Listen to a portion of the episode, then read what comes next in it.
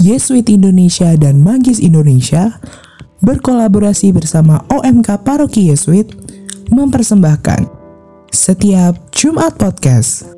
Podcast yang akan menemani teman-teman muda untuk rehat sejenak, ngobrol bersama, supaya hidup tidak terlewat begitu saja.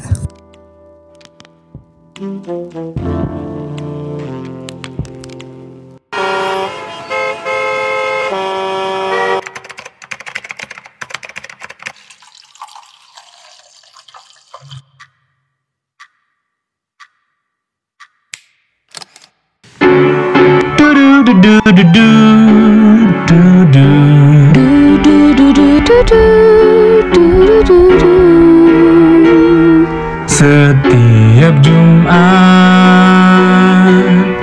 Rehat sejenak. Ngobrol bersama, cari makna. Agar hidup tak lewat saja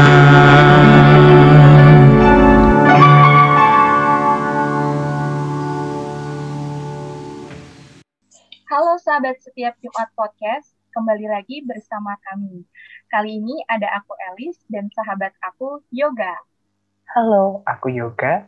Mari kita rehat sejenak, ngobrol bersama, supaya hidup tidak terlewat begitu saja. Asik. Sahabat sekalian, kali ini kita bakal ngobrolin soal idola versus yang ideal. Nah, karena kita bakal ngobrolin soal idola nih, yang pastinya topiknya tuh lagi hype banget, kita tuh nggak akan sendiri ya Kak Elis. Jadi Oke. kita juga akan ada teman ngobrol satu lagi nih. Kita kali ini di episode ini akan berkolaborasi dengan teman-teman dari CLC atau Christian Life Community. Halo Kak Berta, selamat datang di Setiap Jumat Podcast. Halo sahabat, perkenalkan aku Berta. Sekarang aku tinggal di Bandung dan juga merupakan salah satu anggota CLC Bandung. Terima kasih ya sudah diundang di acara podcast episode ini. By the way, sedikit aja nih, eh, kepo. CLC itu apa sih, Kak? CLC itu adalah singkatan dari Christian Life Community, yaitu komunitas yang terdiri dari orang-orang, baik laki-laki atau perempuan, tua atau muda, yang mengimani spiritualitas Ignasian dan latihan rohani sebagai cara hidup. Gitu, Kak Elis. Nah, tadi kan Kak Berta udah ngejelasin nih tentang CLC dan juga perkenalan tentang Kak Berta sendiri. Kata orang tuh katanya kalau udah perkenalan, udah lebih kenal, artinya jadi lebih sayang. Ya nggak sih? Benar banget. Nah, ngomong-ngomong soal idola nih, baru-baru ini kan kayaknya rame banget tuh ya soal BTS Neil. Benar nggak tuh, Kak Yoga?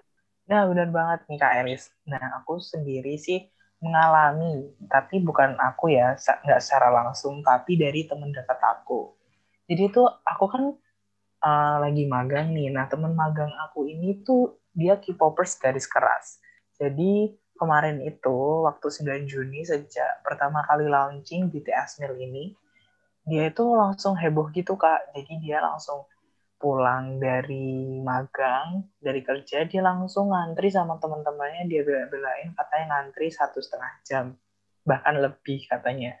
Dan akhirnya setelah dia beli itu, eh, bungkusnya minuman itu nggak langsung dibuang, tapi mereka cuci, terus sampai akhirnya besoknya dijemur, dan sampai akhirnya temennya ada lagi yang army garis keras banget, itu tuh pengen banget beli eh, gelas bekasnya itu yang udah dia jual dan dia cuci.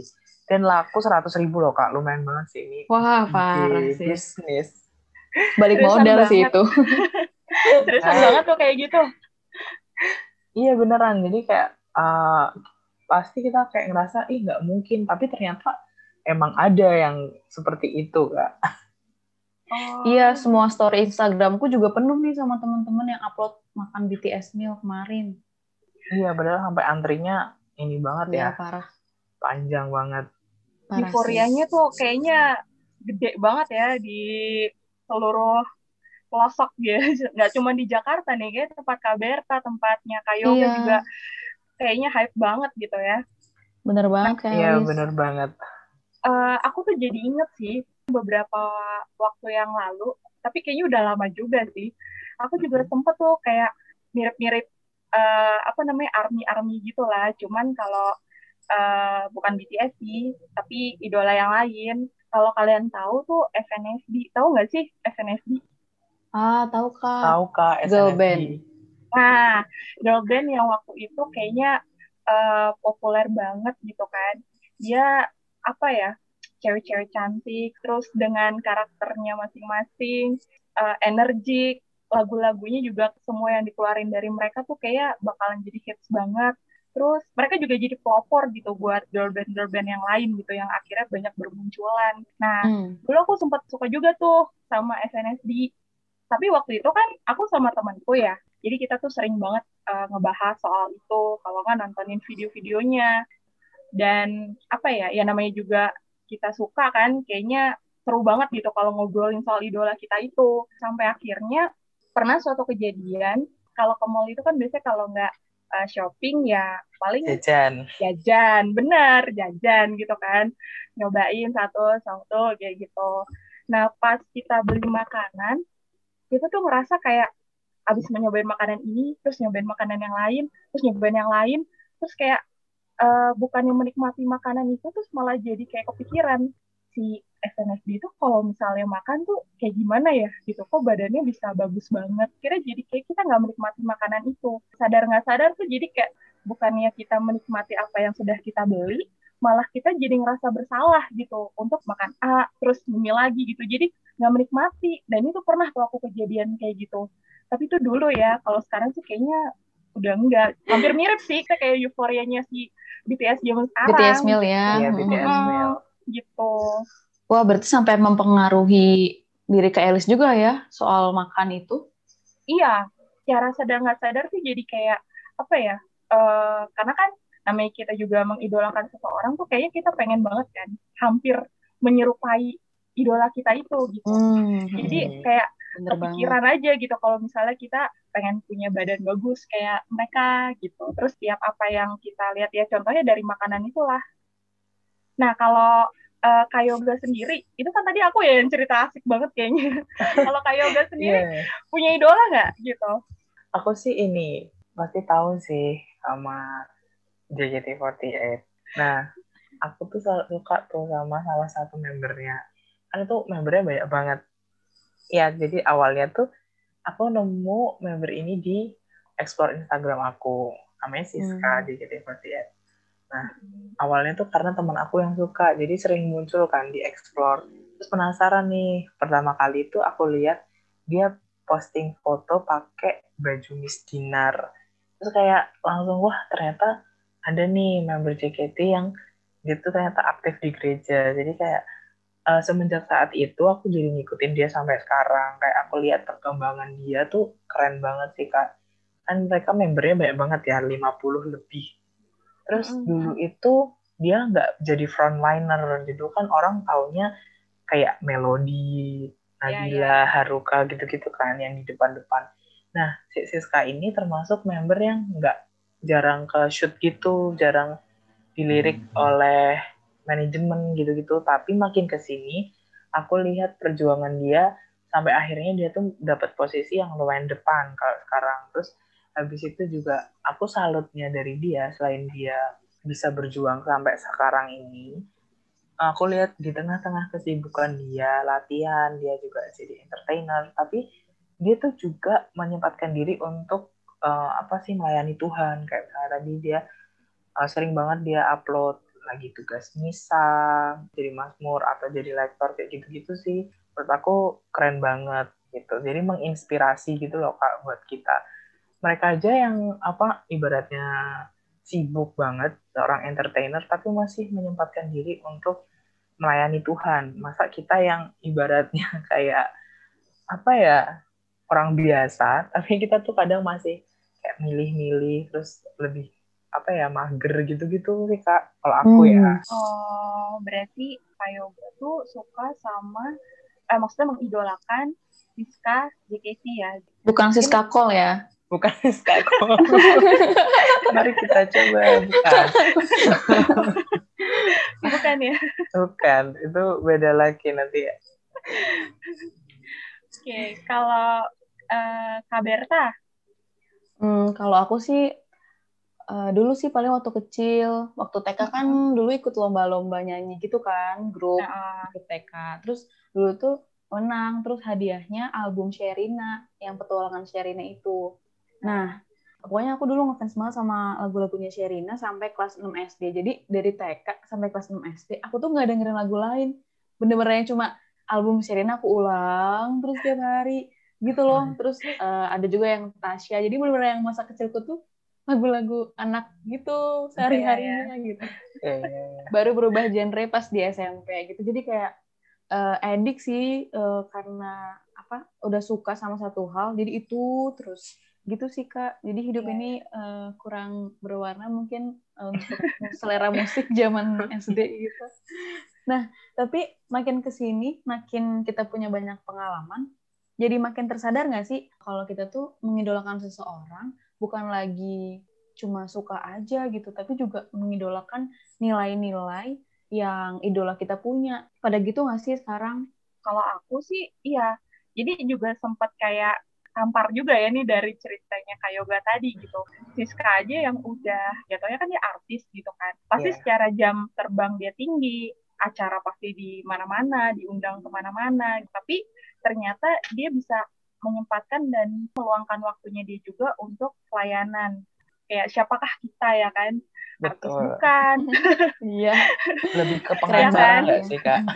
Pengacara gitu. pengacara iya gitu kan. pengangguran banyak Pengangguran acara Heeh, gitu. Jadi kayak ngelihat idola kita aja bisa membagi waktunya, kenapa kita enggak gitu kan ya? Betul. bener banget kayak. Lis. Gitu. Sama aja juga dengan aku kayak ngeliat SNSD gitu. Kan kalau artis Korea kan sebelum dia jadi artis kan pasti juga ada kayak manajemen yang mengatur dia, mendidik mereka supaya mereka tuh bisa jadi kayak sekarang gitu kan pasti perjalanannya juga panjang prosesnya dan aku yakin banget juga nggak mudah gitu. Sebelum mereka debut itu kan mereka juga akan ada pelatihan yang menguras tenaga, waktu, emosi juga mungkin ya kan disatuin sama teman-teman yang nggak tahu dari mana di satu grup gitu terus harus berjuang keras. Wah itu sih luar biasa sih kalau menurut aku gitu. Jadi kalau aku pikir-pikir ya, misalnya kayak aku kerja terus eh, ngerasa kayak ya capek nih apa segala macem nih kayak gini nih gitu. Aku tuh juga jadi kayak melihat gambaran mereka gitu yang idola yang kita idolakan itu gitu. Mereka Betul. juga kayaknya mungkin jam tidur juga kurang gitu kan. Terus bergaul sama teman-teman yang lain juga mungkin kurang karena harus sibuk sama pelatihan yang diadakan sama manajemen mereka. Sampai akhirnya daya juangnya mereka tinggi lah intinya. Ya aku pribadi bisa mengambil nilai itu sih kalau yang aku dapetin buat aku gitu. Hmm, iya bener kayak Lis. Ya, sama sih aku juga sama Kak, Kak Elis setuju banget kayak lihat mereka masih harus latihan, masih harus ini itu, tapi mereka Mm-mm. benar-benar uh, menyisakan waktunya gitu untuk Tuhan. Padahal kita Iya. kalau dipikir juga ya kita apalah kadang kan Iya. waktunya juga lebih banyak yang nggak produktif gitu ya. Iya benar. Gitu. Nah berarti kan eh, kita semua nih kayak punya idola masing-masing ya. Nah, Hmm, Kak Berta, aku mau nanya nih. Kan Apa Kak tuh? Berta ini kan tadi tergabung dalam CLC ya. Betul. Eh, apa namanya? CLC boleh dibantu? Tadi aku lupa. Christian Life Community. Oh iya, Kristen Life Iya. Community. Terus eh, di situ kan juga mempelajari eh, tentang spiritualitas Ignatian. Benar. Kalau Santo Ignatius itu dulu punya idola nggak sih Kak? Kayak gini nih yang tadi kita bahas. Nah, iya bener banget. Santo Ignatius tuh dulu juga punya idola. Jadi gini, ini ceritanya sangat menarik ya. Dulu tuh eh, nama asli Santo Ignatius tuh Inigo. Inigo ini sangat mengidolakan kesatria yang namanya Amadis de Gaula. Jadi karena dia mengidolakan kesatria, dia tuh terobsesi untuk jadi kesatria juga yang dihormati, dapat memikat perhatian para putri raja gitu kan. Si Inigo ini untuk mencapai cita-citanya, mencapai obsesinya itu, dia tuh sering latihan senjata supaya bisa jadi kesatria. Terus eh, dia kan dulu jadi ini ya panglima perang. Nah eh, dulu kan negara-negara kecil di Eropa tuh kan saling perang untuk memperluas wilayah kekuasaan. Salah satunya waktu itu eh, ada Prancis nih mau merebut benteng yang dijaga Inigo di Spanyol di Pamplona. Tapi di perang tersebut tuh eh, berakhir sad ending bagi Inigo. Soalnya kakinya tuh eh, kena tembakan peluru sampai tulang-tulangnya patah, terus dia harus dioperasi gitulah, gitu kan. Nah, akibat operasi itu dia harus uh, beristirahat uh, di rumahnya di Loyola. Nah, saat istirahat itu dia uh, merasa kakinya tuh nggak sempurna lagi gitu. Dia jadi kehilangan kepercayaan diri untuk mencapai cita-citanya jadi kesatria ini gitu. Nah, terus kan uh, ini gue tuh kan suka banget sama novel kesatria. Waktu dia istirahat di rumahnya, dia minta supaya dikasih novel-novel itu, novel-novel kesatria buat dia baca. Tapi cuma ada buku riwayat hidup Kristus sama buku tentang hidup para santo gitu. Terus akhirnya dia baca. Uh, di buku para santo, dia tuh terkesan banget sama kisahnya Santo Franciscus dan Dominikus. Di sini, Ignatius merasakan perbedaan ketika ia mengidolakan kesatria dan mengidolakan kedua santo ini. Ketika mengidolakan santo ini nih, dia tuh merasakan kebahagiaan yang lebih tahan lama. Terus abis itu Ignatius mulai mencoba uh, meniru cara hidup mereka, kayak mati raga, puasa, bahkan ziarah tanpa alas kaki gitu, ziarah nyeker, dia jalani, dia tiru gitu. Tapi pada perjalanan, akhirnya Inigo menemukan cara sendiri yang paling tepat untuk dirinya dalam mengikuti Yesus. Nah, gitu cerita Santo Ignatius soal idola nih. Gitu Kak Elis dan Kak Yoga wah keren juga ya ternyata seorang santo kayak Santo Ignatius Loyola juga pernah ngefans sama seseorang. Iya, menarik banget tuh tadi ceritanya Kak Berta. Berarti Santo Ignatius itu mengidolakan seseorang itu kayaknya ada tahapannya juga ya ternyata ya. Bener Kak, tadi kan awalnya Ignatius tuh jadi followers. Dia tuh jadi tahu semua kan tentang idolanya dia. Mungkin kalau zaman sekarang, Ignatius tuh udah mau punya semua merchandise-nya kali ya kayak BTS itu kak. Iya ya, kayaknya uh, tahu-tahu ada jual kaos gitu kan, yeah, misalnya Ignatius. Tote bag, uh, tote bag. Oh iya, yeah. ya bisa bisa bisa. Nah terus tadi uh, selain uh, yang pertama kan semacam followers gitu ya, terus yang tahap yang kedua tuh kayaknya ada tahap meniru juga.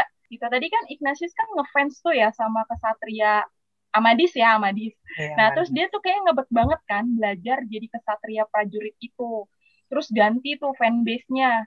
Terus dia kayak gitu waktu dia ngefans sama Franciscus dan Santo Dominikus, Santo Ignatius juga ngikutin kan cara mereka untuk uh, seperti kayak mati raga, puasa, ziarah nyeker. Iya, terus akhirnya di tahap akhir itu kayaknya uh, setelah perjalanannya dia yang cukup jauh, dia tuh malah menemukan jati dirinya sendiri nggak sih kak?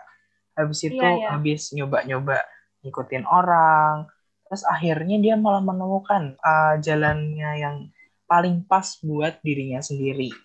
Iya yeah, iya. Yeah. betul betul. Berarti kalau kita rangkum ya tahapannya itu tadi ada tiga ya. Yang pertama jadi followers. Terus yang kedua berusaha meniru gaya hidup sang idola. Lalu yang ketiga dia menemukan uh, dirinya sendiri gitu. Tapi salah nggak sih ya kalau misalnya aku tuh cuman jadi followersnya doang gitu dalam mengidolakan seseorang atau hanya bisa tahap meniru. Menurut kalian gimana sih? Hmm, kalau menurut aku sih kayak Lis, uh, aku pribadi sih ngerasa kalau aku mengidolakan seseorang, itu kan kayak ngelihat ideal diri yang aku pengen capai nih. Nah, ideal diri itu kan bisa macam-macam bisa ideal diri yang dari luar eksternal misalnya uh, yang kita bisa lihat dari luar lah ganteng cantik jago nyanyi jago nari dan lain-lain tapi bisa juga ideal diri yang dari dalam internal kayak nilai-nilai yang diperjuangkan yang bikin aku mengidolakan atau juga uh, mungkin cara untuk menemukan makna hidup gitu. Nah, kalau ngaca nih dari pengalamannya Santo Ignatius, menurutku sih nggak masalah ya kita sekarang mengidolakan seseorang sampai tahap mana aja. Namanya juga kan pencarian diri ya bun. Mungkin belum bisa menemukan ideal diri ya nggak apa-apa. Kalau udah bisa menemukan ideal diri kayak Santo Ignatius yang menemukan jalannya sendiri dalam hidupnya, ya syukur alhamdulillah kan. Oh, I see. Jadi eh, nggak uh, ada yang salah kan ya? Aku tuh nangkepnya kayak suatu proses yang alamiah aja gitu Maksudnya kita sendiri kan nggak bisa memaksakan ya diri kita itu sampai di tahap mana gitu ya atau di tahap tertentu. Kalau emang dalam prosesnya kita belum sampai ke tahap yang kita impikan misalnya ketika mengidolakan seseorang aku pengen banget kan bisa sampai di tahap di mana aku menemukan caraku sendiri gitu ya buat memperjuangkan nilai atau pencarian makna hidup dengan caraku sendiri. Tapi kenyataannya atau dari proses alamiah aku masih di tahap uh, mengimitasi atau menirukan idolaku itu. Aku sendiri juga nggak bisa maksain sih. Yang bisa aku lakukan sih kayaknya cuma terus setia mengusahakan pencarian atau uh, jalan yang kayaknya tuh gue banget gitu. Bener gak sih? Bener banget nih kak. Aku setuju banget nih sama penemuan kak Elis. Uh, kita tuh emang nggak bisa memaksakan kita harus sampai di tahap mana. Karena kan kesempatan setiap orang dan waktu setiap orang itu pasti berbeda-beda tergantung waktunya nanti akan tiba kapan kayak gitu tumben banget sih Kak Elis bisa kasih refleksi yang sangat kena banget ya sih dari tadi. Bener-bener. Kena ya, kena nih. Bener ya, banget kayak sama. aku juga setuju nih sama pemikirannya Kak Elis. Aku kadang-kadang juga nggak sadar kalau ngalamin hal yang kayak gitu. Uh, oh ya, ada tambahan nih. Mungkin penemuan jalan yang cocok buat diri kita sendiri itu tuh bisa dari proses terus-menerus gitu loh. Karena hidup ini kan seperti berproses terus gitu ya. Jadi kayak ntar mungkin di tengah jalan ada kejutan-kejutan gitu uh, yang mungkin memaksa kita untuk terus-menerus berproses gitu. Bisa aja kita balik lagi ke tahap followers atau ternyata kita pelan-pelan mulai nemuin cara sendiri atau karena ada hal baru kita perlu ada di tahap mengimitasi dan seterusnya. Uh, bolak-balik sih itu juga bisa. Oke, ini tambahannya juga keren juga nih. Ternyata ada banyak banget quotes yang bisa kita petik dari episode kali ini. Asik. Baru berapa menit aja udah dapat nilai-nilai tambah nih ya. Iya, yeah, benar. Insight-insight baru nih. Keren sih. Uh, serunya dapat, tapi juga ilmunya dapat. Gitu. Jarang-jarang aku juga bisa masuk ke obrolan yang kayak gini nih, Kak Elis. Nah, jadi kesimpulan obrolan kita tuh apa ya? Nah, kesimpulannya tuh adalah dari kita mengidolakan seseorang, kita sering terpaku untuk menjadi pengikut saja tanpa melihat apa yang sebenarnya terjadi atau kadang kita juga meniru tanpa memahami apa yang sebenarnya terjadi. Tapi semakin ke sini, kalau kita memaknai lebih dalam, ternyata tuh kita bisa menemukan value-value yang bisa kita contoh, kita hidupi dari para idola kita. Kayak contohnya ceritanya Kak Elis tadi, cerita Kak Berta sama cerita aku, yang bisa membantu kita untuk sampai kepada nilai-nilai yang pengen kita hidupin. Oh, ternyata dia kayak gini. Jadi kita pengen ngikutin dia yang baik-baiknya kan pasti. Ya, betul. Uh, dan juga mengidolakan seseorang itu kayaknya juga cerminan diri dari ideal kita ya, sekaligus bagian dari pencarian diri kita. Gak masalah sih kalau misalnya kita sekarang tuh ada di tahap mengidolakan yang mana, selama kita tetap berusaha mencari jalan terbaik bagi diri kita sendiri. Ya nggak sih? Bener banget Kak Eli, setuju. Setuju deh sama kamu.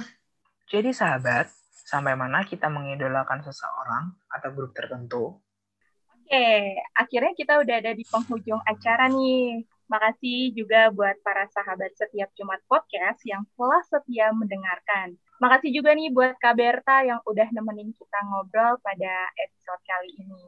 Ya, makasih juga Kak Elis, Kak Yoga, dan sahabat-sahabat yang udah dengerin podcast ini. Uh, makasih udah undang aku di episode kali ini kalau misalkan nih ada para sahabat yang penasaran sama perjalanan Santo Ignatius menemukan uh, jalan hidupnya, sahabat bisa nonton serial video Ignatian Live selama bulan Juli di kanal YouTube Yesuit Indonesia atau di IGTV-nya Yesuit Indonesia. Oke, Kak Berta.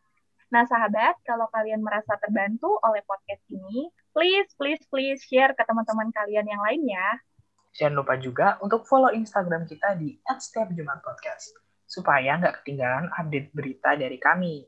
Teman-teman juga bisa loh sharing insight di comment section dan berbagi hasil refleksi dengan kami melalui direct message di Instagram. Oh ya, sekarang setiap Jumat Podcast selain ada di Anchor dan Spotify, bisa juga teman-teman akses melalui aplikasi Radio Katolikana dan e-Katolik di ponsel masing-masing. Oke Kak Elis. Kalau gitu, aku Yoga. Dan aku Elis. Dan aku Berta. Pamit sementara dan sampai jumpa di episode berikutnya. Setiap Jumat Podcast. Mari rehat sejenak, ngobrol bersama, supaya hidup tidak terlewat begitu saja. Dah. Dadah! Dadah! Do do do do do do do do. setiap Jumat